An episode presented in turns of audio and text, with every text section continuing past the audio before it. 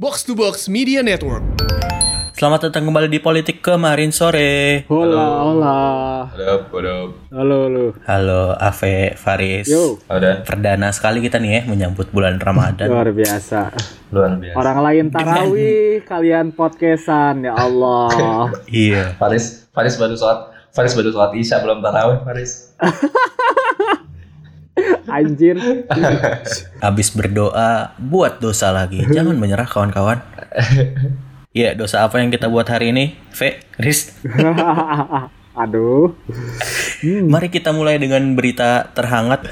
Kalian tahu nggak kalau KPK baru saja minta maaf karena menyebut Singapura sebagai negara surganya para koruptor? Ada yang tahu berita ini? Gak tahu, gak tahu. Gue gue baru tau dari lo doang sih. Jadi kemarin itu ada salah satu pegawainya KPK, eh, Deputi Penindakan dan Eksekusi KPK, Pak Karyoto. Dia itu nyeletuk kalau buron KPK itu sulit banget ditangkap karena pada lari ke Singapura semua. Iya, iya, iya. Terus iya. sekarang pada ngerasa nggak enak gitu, klarifikasi sendiri kan aneh ya. Ya Allah. An- anaknya nggak anaknya nggak enakan banget ya. Iya. Iya, kalau di masa depan dia mau liburan ke Singapura jadi nggak bisa, soalnya udah pernah ngomong kayak gitu. Jadi minta maaf. Oh betul. Hmm. Ngomong-ngomong soal Singapura, kita sedang mengupayakan agar negara ini eh, perkembangan teknologinya menyusul Singapura. Salah satu upayanya adalah dengan membangun bukit algoritma. Oh. Iya. Bukit algoritma. Bukit algoritma, bener. Eh, gua kasih intro sedikit, latar belakang sedikit. Eh, Bukit algoritma itu direncanakan menjadi sebuah kawasan pengembangan teknologi dan industri 4.0 yang akan dibangun di Sukabumi, Jawa Barat. Hmm. Eh, proyeknya ini kalau nggak salah nilainya itu 18 miliar Amerika, dolar Amerika atau eh 1 miliar dolar Amerika atau 18 triliun rupiah. Ini belum buat membangun ininya ya, belum buat membangun IT-nya ya.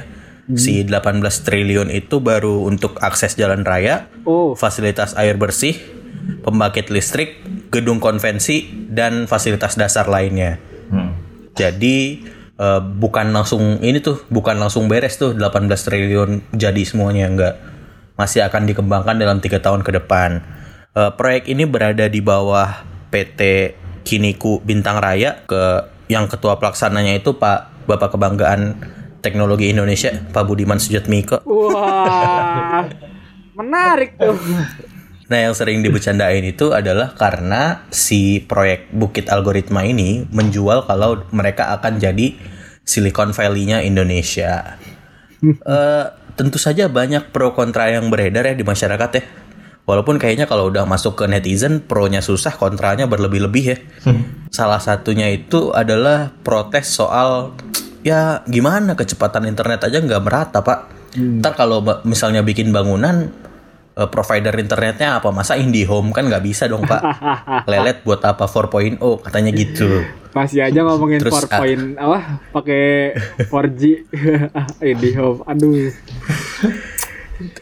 Telat terus ini. juga terus juga ada yang ngomongin soal akses ke SDM-nya kan masih susah ntar takut eh, infrastrukturnya terbengkalai malah jadi ya sia-sia malah jadi Hmm. gedung-gedung yang ditinggalkan seperti proyek PON atau proyek-proyek Wisma lainnya di Indonesia ya Hambalang ya, Hambalang. Hambalah. Nah itu sedikit kontra eh, pro-nya ya bisa dibaca lah arahnya mendukung ke perkembangan teknologi. Mungkin gue lempar ke lo, Riz dan V ada yang mau berpendapat dulu, bebas mau pro mau kontra juga. Faris dulu deh. Oke, Fa- Faris yang udah baca buku soalnya. jangan bawa buku Gila, dulu. Faris datang dengan pengetahuan. Luar Mantap. Enggak sih, tapi gua gua ngelihatnya secara secara umum dulu sih. Kalau kita bicara ingin menyongsong apa ya, ini ya industri 4.0 sebetulnya jangan selalu dimulai dengan membangun infrastruktur dulu sih. Tapi yang perlu dibangun dulu itu adalah mindset sudah, mindset. Jadi jangan sampai ada ya ada gedung-gedung ini tapi orang-orang yang memaksimalkannya tidak capable untuk mengoperasikan itu, untuk memanfaatkan dan bahkan apa ya meningkatkan nambah inilah value edit value-nya gitu. Jadinya percuma gitu. Iya, iya, iya. Sedangkan kita nggak tahu juga itu uangnya dari mana. Kalau ngutang lagi, paybacknya makin lama kan. Ini PR PR Oh. PR lagi. Uangnya Nih, dari gua mana? lurusin aja. Berarti ini nggak pakai APBN, nggak pakai APBD. Oh. Ini akan ada investor, tapi investornya masih dirahasiakan. Makin makin dong. Investor gila macam apa yang ingin bayar ini? Tapi luar biasa ya dan Gitu. tadi kata-kata Faris seperti straight straight out of Leonard book gitu loh. Yang penting itu mindset. Iya, Yes, gila. Mindset. ini tuh berkat apa ya? Ratusan slide yang udah dia susun, Fe. Iya, iya. Ada lagi tambahannya, Riz? Iya sih, gua gua concernnya ke situ sih ke SDM-nya dulu. Karena kalau kita, Hmm. sebelum kita bicara bukit algoritma yang bakal sangat besar gitu, beberapa proyek-proyek semacam smart city itu aja bahkan nggak apa ya, nggak belum bisa dimaksimalkan warganya. Kita nggak bicara Iya, iya. orang-orang yang berpendidikan gitu, bahkan orang berpendidikan pun ada juga yang belum seutuhnya paham gitu untuk maksimalin teknologi digital gitu. Itu perlu dipertimbangin juga sih, maksudnya dalam jangka panjang ya. Jangan sampai akhirnya kita mi- mi- misalnya kita bikin Silicon Valley gitu istilahnya, tapi yang manfaatin malah orang Mhm. luar gitu. Kan jadinya apa ya? Ya sayang aja gitu. Nggak nggak memihak ke rakyat lah. Asik. Iya, iya. Ya, eh V, gimana V? Ya, gue mungkin ngelanjutin concern Faris soal SDM ya. Kalau lo, ini kan banyak juga yang point out di Twitter kalau sebenarnya Silicon Valley sama Bukit Algoritma itu nggak apple to apple sama sekali. Karena awalnya Silicon Valley itu bukan dari fisiknya, itu bukan dari fisiknya tapi lebih ke Hmm. dari budaya budaya risetnya gitu. Um, jadi awal mula Silicon Valley itu dari Universitas Stanford dulu. Universitas Stanford ada di California, terus kemudian Stanford ini eh, termasuk universitas yang umurnya baru sekitar puluhan tahun, tidak seperti Harvard, tidak seperti MIT dan segala macamnya. Terus eh, Stanford ini benar-benar, oh kalau gue nggak dapet duit dari pemerintah karena masih karena masih muda ya, gue akan mengambil kontrak-kontrak militer. Mhm. Nah, jadi Iya, benar-benar Stanford ini tuh dapat apa dapat benar-benar jadi universitas riset yang kemudian ngambil kontrak-kontrak militer banyak banget duit masuk ke Iya. situ gitu ya. Terus kemudian em, dari situ lulusan-lulusannya ya keluar bikin bikin perusahaan keluar bikin perusahaan keluar bikin perusahaan. Jadi memang em, budayanya adalah budaya riset. Lalu kemudian setelah itu setelah setelah riset di universitas itu lulusan-lulusannya itu keluar dan bikin itu jadi bisnis nah itu Iya. kan itu kan bukan bukan bukit algoritma itu. Maksud gue itu Stanford itu jadinya organik aja gitu loh. Karena ada dari budaya risetnya gitu. Nah maksud gue kalau kemudian bukit algoritma nanti di Sukabumi gue bingung. Sukabumi itu punya universitas apaan gitu loh. Yang gue tahu. Ada he, ada di he. Sukabumi, eh, di Sukabumi itu cuma ada cuma ada satu yang gue tahu UMI. Universitas Muhammadiyah Sukabumi. Udah itu doang. Kan Stanford juga baru. Siapa tahu nanti ada Universitas Sukabumi unggul. maksud gue Nanti justru- ada it, justru di, it- di- ini ITB Sukabumi. dimulainya kan dari situ. Dia kan dimulai dari situ harusnya bukan dari fisiknya dulu seperti yang tadi Faris bilang gitu ya.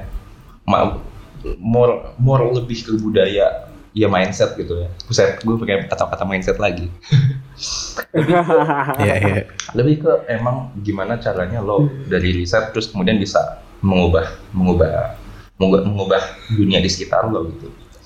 Itu sebenarnya kan sudah dilakukan oleh oleh cukup banyak startup startup baru di Indonesia gitu. Udah cukup banyak um, tempat di Indonesia gitu. Tapi coba dilihat lagi gitu. Sebenarnya yang mereka butuhin itu apa gitu? Apa emang mereka butuh properti land gitu. Apakah apakah bukan apakah mungkin mereka butuh justru regulasi yang lebih simpel atau butuh Hmm. butuh hal-hal Ya, non non fisik lainnya gitu justru. Karena ya membangun membangun em, membangun itu di Sukabumi gitu ya berarti kemudian me- menjauhkan menjauhkan eh, job center dari sumber dari pusat SDM di universitas-universitas gitu loh. Iya. Di. Iya, di iya. Jakarta kan sekitarnya udah jelas gitu. Terus kemudian kalau tiba-tiba pindah ke Sukabumi, Hmm. emangnya ada ada berapa ada berapa banyak orang sih teman-teman lo gitu yang kerja di startup yang rela tinggal jauh dari Jakarta gitu loh. Maksudnya j- ya hmm. itu itu startup life gitu atau tech tech life itu kan datang dengan kekhasannya sendiri gitu loh. Ya tapi kalau gue ngerasa si alasan kenapa bukit algoritma ini nggak perlu ada justru jadi alasan yang sama yang mendorong kenapa mereka harus ada. Satu misalnya kayak tadi eh, masalah kecepatan akses nggak merata ya. Hmm. Ya justru dengan adanya si bukit algoritma ini, si aksesnya memang sengaja dibikin di sana lebih unggul. Karena namanya mau bikin satu kelompok R&D gitu. Ya emang harus dibikinnya unggul lah ya karena di sekitar IndiHome-nya jelek, di situ dibikin yang bagus dong. Entah bebas mau pakai providernya apa gitu. Terus masalah kedua, masalah SDM. Nih gue nggak tahu relevan apa enggak ya, tapi di Bandung tuh ada namanya Bandung Digital Valley. Oh, Dulu gue iya. sempet berapa kali keluar masuk eh, di sana. Dan eh, memang gue nggak tahu produk end produknya mereka perusahaannya sebesar apa. Banyak sih startup yang ngantor di sana gitu. Tapi untuk tahap building di awal mereka sangat butuh ekosistem semacam itu. Nah, kolam memang tadi di Faris omongin mindsetnya belum kebentuk. Ya, memang mungkin emang harus ada wadahnya dulu baru kolamnya bisa ada gitu, Riz. Hmm. Eh, di Bandung Digital Valley itu banyak banyak program kan, ada gerakan seribu startup dan lain-lain. Yang inkubasinya itu dimulai dari sana. Nah, tapi masalah yang diomongin Ave tadi bener juga sih, kayak ujung-ujungnya semua yang lahir di Bandung lama-kelamaan akan pindah di Jakarta. Entah karena sumber daya manusianya akan pada ke sana semua atau karena ya memang yang Ave bilang tadi emang kayaknya hidupnya harus di ibu kota atau memang sumber duitnya ada di sana semua gitu. Ya venture capital kan di Eh, sana tep- gitu. Ya, ya, tapi emang yang paling penting dan gak bisa dilewatkan menurut gua yang jadi alasan kenapa ini harus ada adalah eh, teknologi itu kan semuanya tentang timing ya. Siapa yang start duluan tuh lebih punya lebih Ya. punya apa ya? Lebih punya power buat ngosain duluan kayak Cina dan AI-nya Betul, betul. yang udah dimakanin data data penduduknya sekarang udah menakutkan artificial intelligence-nya. Eh, terus kalau kita startnya makin lambat, jadi gimana ya maksudnya? Ya kenapa nggak mulai aja sama SDM yang ada sekarang? Ntar juga kalau berkembang, dia akan narik orang lagi masuk ke sana. Sekarang itu Menkominfo ngadain ini ya misalnya ngadain pelatihan gratis kok tiap Iya. tahunnya buat Digital talent. ada ya, banyak lah ada empat jenis kalau nggak salah. Kerja sama sama universitas negeri kita. Tapi nggak rame dan nggak se-hype itu. Mungkin karena end up produknya nggak ada setelah dari itu mau ke mana gitu. Coba ini nanti ada kolamnya satu Silicon Valley-nya kita gitu ya. Ya intinya dari Dani itu gini, ketika bangun, ketika misalnya kita memilih membangun SDM dulu gitu ya, tapi ke mana nih SDM-nya setelah dilatih kayak gitu, Hmm, belum oke. apa, nggak belum ada koneksi nih, nggak terkoneksikan gitu, yang tadi Dani maksud. Nah kalau Da- Dani bilang mungkin dengan adanya Silicon Valley ini di di mana si startup startup berkumpul di situ di situ ada ada pelatihan juga ya sekalian gitu ya. Langsung tuh terkoneksikan yang gue tangkap ya kurang lebih sekarang juga ada sih koneksi ujungnya sebenarnya di iya banyak startup startup itu tapi buat nemu nemuin emang kurang gede sehingga bisa dilirik oleh banyak orang aja gitu Hmm. Let's let's say for for Sem- argument's sake um, Silicon Valley-nya Hmm. jadi Hmm. yang Silicon Valley, kita algoritmanya jadi dibangun gitu ya. Apa yang jadi insentif? Apa yang jadi insentif tech company dan startup yang di Jakarta untuk pindah ke Sukabumi menurut lo? Hmm, menarik nih. akses Akses terhadap apa? Maksudnya ini akan lebih jadi satu sentralisasi aja sih, Fe, menurut gua. Eh, kalau dari segi membangun bisnis pasti link is of is of doing business ya bahasanya Pak Sandi itu apa gitu. Oh Ya, ya. gitu-gitunya itu akan sangat Iya, iya. berpengaruh menurut gue. Kemudahan berusaha ya. Ini kan sebenarnya um, gue gue sebenarnya tidak menafikan kalau iklim tech companies ataupun startup itu harus ada dukungan secara langsung bahkan dari pemerintah gitu entah itu funding entah itu Iya. entah itu karena karena Silicon Valley pun awalnya dari military contract gitu dari funding yang federal Yeah. federal federal government gitu nah tapi Mhm. bedanya adalah itu fundingnya itu untuk ide jadi eh, calon investor itu calon investor itu mungkin salah satunya itu pemerintah gitu ya itu menyediakan funding untuk ide-ide yang bagus gitu yang sudah di pitch dan kemudian ini rasanya Iya. bagus gitu itu yang harusnya terjadi secara Iya. organik gitu kan dan mungkin itu sudah terjadi, terjadi di Jakarta Iya. gitu ya problemnya ini yang disediakan belum tentu kalau ide kan sudah jelas ya eh, untuk apa untuk apa untuk apa gitu. Ketika pitch ketika pitch ini saya akan invest Iya. di sini di sini di sini gitu. Problemnya adalah ini sekarang Hmm. yang disediakan oleh pemerintah itu bukan ide tapi gimana ya? Bukan ide per se gitu. Bukan ide bukan bukan satu ide yang kita convince gitu. Makanya kan orang-orang bertanya ini buat apa? Karena kita nggak convince kalau ini tuh ide yang memang Iya. harus dilakukan gitu. Jadi kalau ke- Hmm. ketika ini pakai uang rakyat itu benar-benar kayak ini benar-benar bakalan bakalan bisa optimal semuanya atau tidak gitu kan itu yang kemudian jadi pertanyaan orang-orang Iya. gitu dan ini sangat-sangat berbeda enggak sangat-sangat berbeda dengan organiknya Silicon Valley di sana gitu Eh, kalau dibilang berbeda menurut gua nggak juga sih, Ve. Kalau ngomongin soal inkubasi, itu memang semuanya udah ada produk dasarnya, udah ada MVP-nya, eh, minimum viable produknya. Nah, sebelum itu kan mereka udah ngembangin sendiri tuh. Jadi yang bisa masuk ke Bandung Digital Valley itu bukan orang yang, Pak saya ada ide nih, enggak. Tapi lo bangun dulu eh, minimum viable produknya, ntar lo pitching, kalau menarik investor lo akan diinvest atau kalau menarik mereka lo bisa diinkubasi sama mereka. Eh, jadi kalau soal itu sih gue nggak ngeragukan. Terus ujungnya lo mau ngomongin apa misalnya yang Pak Budiman tekankan kan anjing gue jadi kayak advocate-nya Pak Budiman males juga nih gue. Salah ngambil posisi nih gue. Harusnya gue yang kontra tadi ya. Biar lo sama Ave yang pro ya. nggak apa-apa deh Tapi salah satu yang paling dia jual kan ada Hmm. eh, artificial intelligence. Yang Oke. paling banyak di udah dikembangkan di Indo itu adalah augmented reality. Jadi Ya. eh, kayak misalnya naro paling gampang tuh aplikasi IKEA lah. Hmm. Jadi lo punya ruangan terus lo taruh lemari IKEA pak dari handphone lo seakan-akan oh cocok nggak ya ditaruh di ruangan gua. Nah itu udah banyak di Indonesia diterapkan untuk pembelajaran dan lain-lain. Pengembangannya gimana? Ya menggunakan ekosistem yang ada di situ. Atau misalnya sekarang kita fintech, fintech kan eh, kita nggak punya gimana nih gue bobo India sama China? Takut sih. Yang fintechnya dikendalikan negara. Nggak jadilah Pinjaman online, lanjut lanjut. online. iya. Nah kurang lebih gitu sih. Oke. Gua jadi kalau dibilangin nggak jelas Hmm. nggak juga. Tapi apakah end up-nya akan optimal? Ya tentu kita tidak bisa memprediksi ya. Gua gua gini, gua gua sedikit sedikit sedikit ngasih pandangan pro-nya sedikit aja.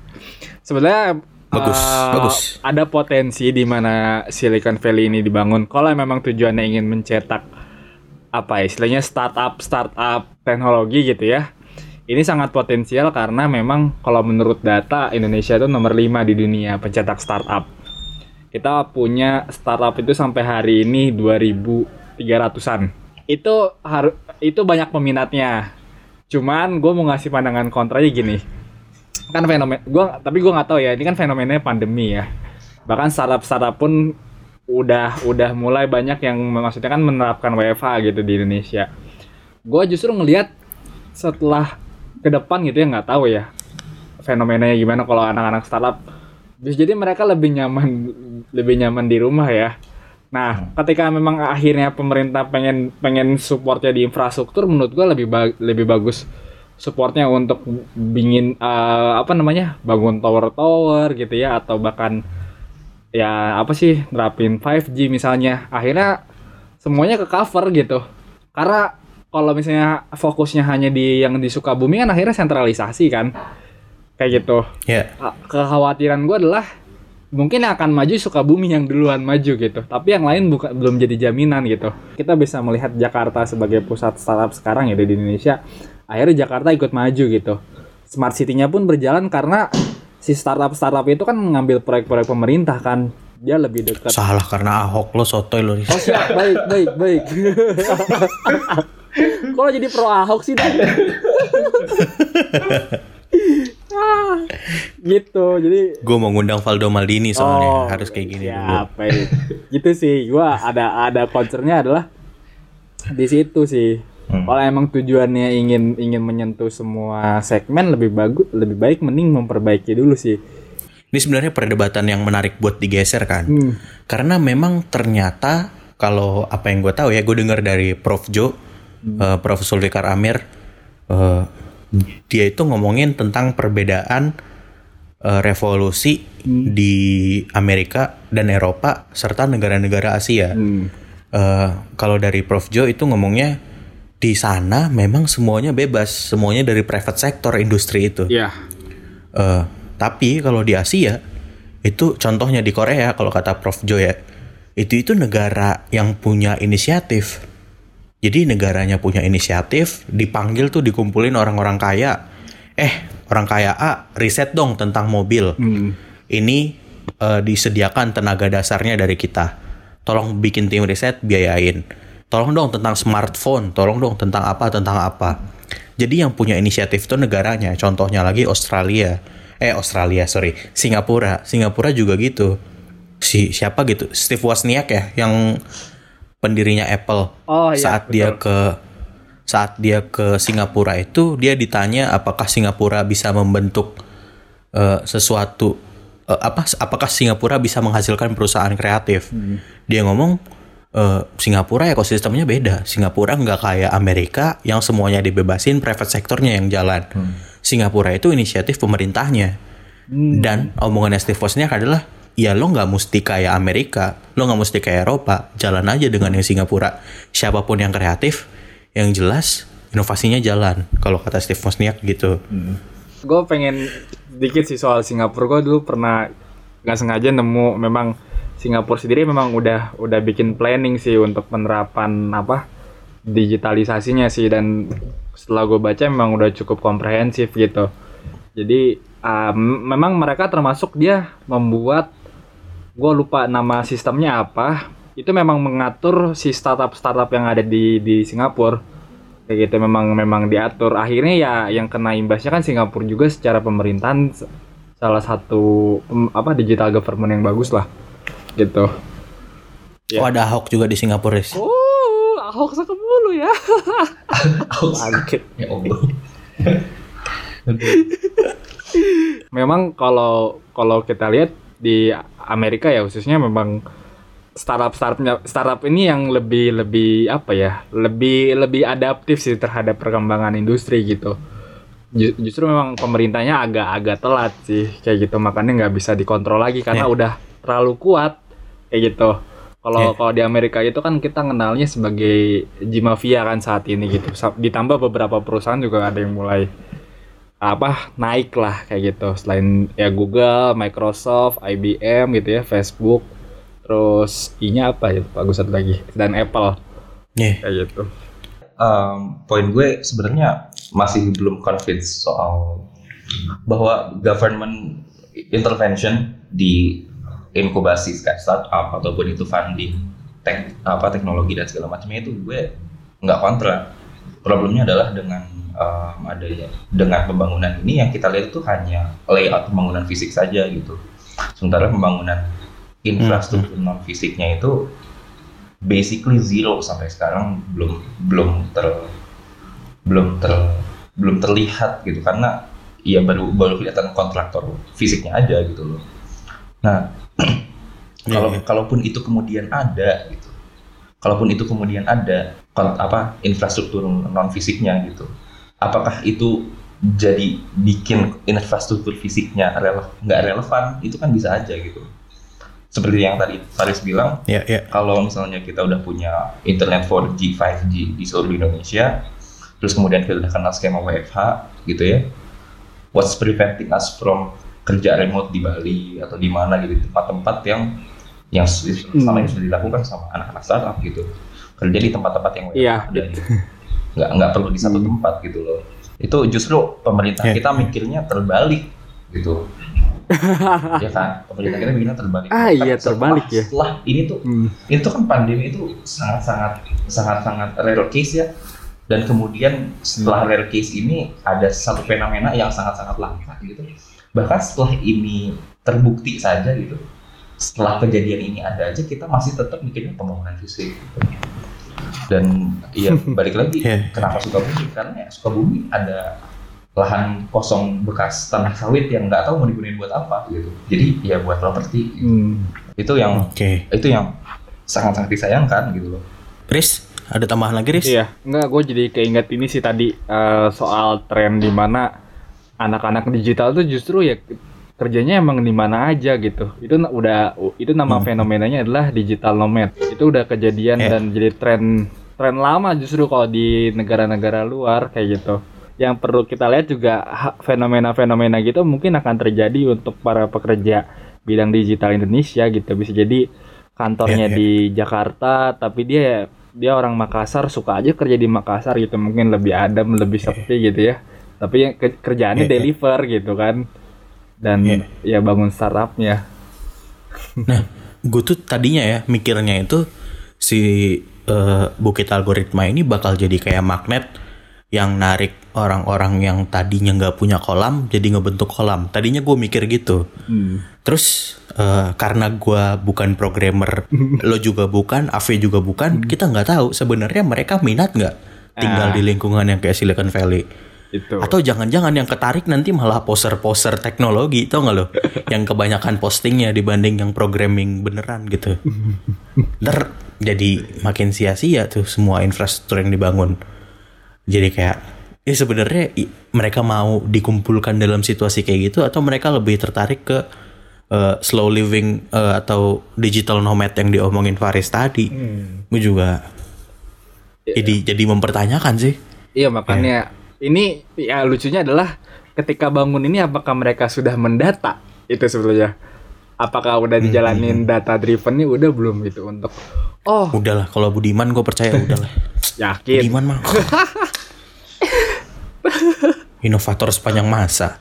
siap Santai. siap kemarin baru gue berapa ming- berapa bulan yang lalu ya kalau nggak salah dia sempat dihajar habis-habisan sama orang cyber security Oh iya. iya gue ngeliatin hmm, seru juga nih Seneng dong lo. ah ya kan buka twitter Seneng emang pengen lihat keributan Ada lagi poin Eh, V, Riz yang belum disampaikan. Nambahin dari sudut pandang propertinya ya. Dari Ya. sudut pandang propertinya itu sebenarnya kalau kemudian em, dibangun ini tadi lo bilang ini pakai uang swasta kan ya? Iya, investor Investor swasta. swasta. Gue mikirnya kalau dibangun dengan uang swasta apalagi gitu. Ini pasti akan Hmm. benar-benar nggak nggak beda jauh lah sama Sumarekon gitu atau nggak beda jauh Ya, sama ya. eh, tempat-tempat lain yang eh, maksudnya mega mega mega project gitu mega project benar-benar ya gated community dan segala macamnya ini eh, berpeluang untuk kembali menaikkan ketimpangan eh kembali menaikkan ketimpangan apalagi di Sukabumi gitu loh selama ini di Sukabumi belum ada yang seperti itu gitu. tapi kemudian ada dan dengan dengan belum tentu ini jadi bisnis center misalnya belum tentu ini jadi bisnis center belum tentu ini Iya. jadi teknologi center misalnya. Kalaupun kemudian jadi gitu ya, ada ada isu lain yaitu isu isu kesenjangan sosial di Sukabumi. Iya, iya, iya. Ada ada kemudian ada Hmm. lagi isu gentrifikasi dan segala macamnya gitu. Iya, itu benar. problem-problem yang itu nggak kerasa tapi sebenarnya dengan lo bikin misalkan dengan UI bikin universitas di Depok aja gitu ya warga warga lokal udah udah pasti akan lama-lama akan akan meninggalkan tempat itu gitu loh dan akan muncul apartemen-apartemen baru, kos-kosan baru dan segala macamnya gitu. Dan itu yang sebenarnya terjadi juga di California kan, kesenjangan Ya. eh, si si Silicon Valley dan daerah-daerah sekitarnya. Syukur-syukur kalau bisnisnya berkembang benar-benar jadi teknologi city gitu. Kalau ntar teknologi city-nya nggak jalan tapi eh, harga propertinya udah naik kan ya dapat ampas Ya, dua-duanya itu nih semacam- jadinya. Semacam Benar, benar, price benar. to be paid gitu ya, ya. Soalnya misalnya kalau Ya, Silicon Valley jadi jadi mahal properti dan segala macamnya, oke karena let's say Silicon Valley benar-benar mengubah industri lanskap industri Amerika itu lanskap industri dunia itu sangat-sangat berubah dengan adanya eh, produk-produk digital dari Silicon Valley gitu. Nah kalau Iya. sekarang Indonesia misalnya em, yang ini tuh sudah bermunculan semua gitu yang yang giant giant startup itu udah bermunculan gitu dan ke, semuanya sudah sudah bisa sustainable di tempat-tempat seperti Jakarta gitu. Tempat-tempat seperti mungkin di Bandung ada beberapa dan segala macamnya. Kalau kemudian kita memaksakan gitu belum baru ya, ya. belum tentu kemudian pindah terus kemudian naik naik naik harganya terus kemudian warga lokal ya jadi satpam jadi apa jadi apa jadi apa gitu kan. Ya balik lagi ke isu gentrifikasi Ya. nggak nggak nggak semudah itu menyelesaikannya. Oke, eh, sudah cukup panjang nih diskusinya teman-teman. Eh, mungkin akan lebih ini kalau misalnya yang ngomongin orang teknologi ya. Tapi karena kita butuh topik ya kita omongin aja lah. Yes. Demikian politik kemarin sore episode minggu ini. Eh, jangan lupa follow sosmed kita di @kemarin sore di Twitter dan Instagram. Terima kasih. Sampai jumpa di episode-episode selanjutnya. See you. See you.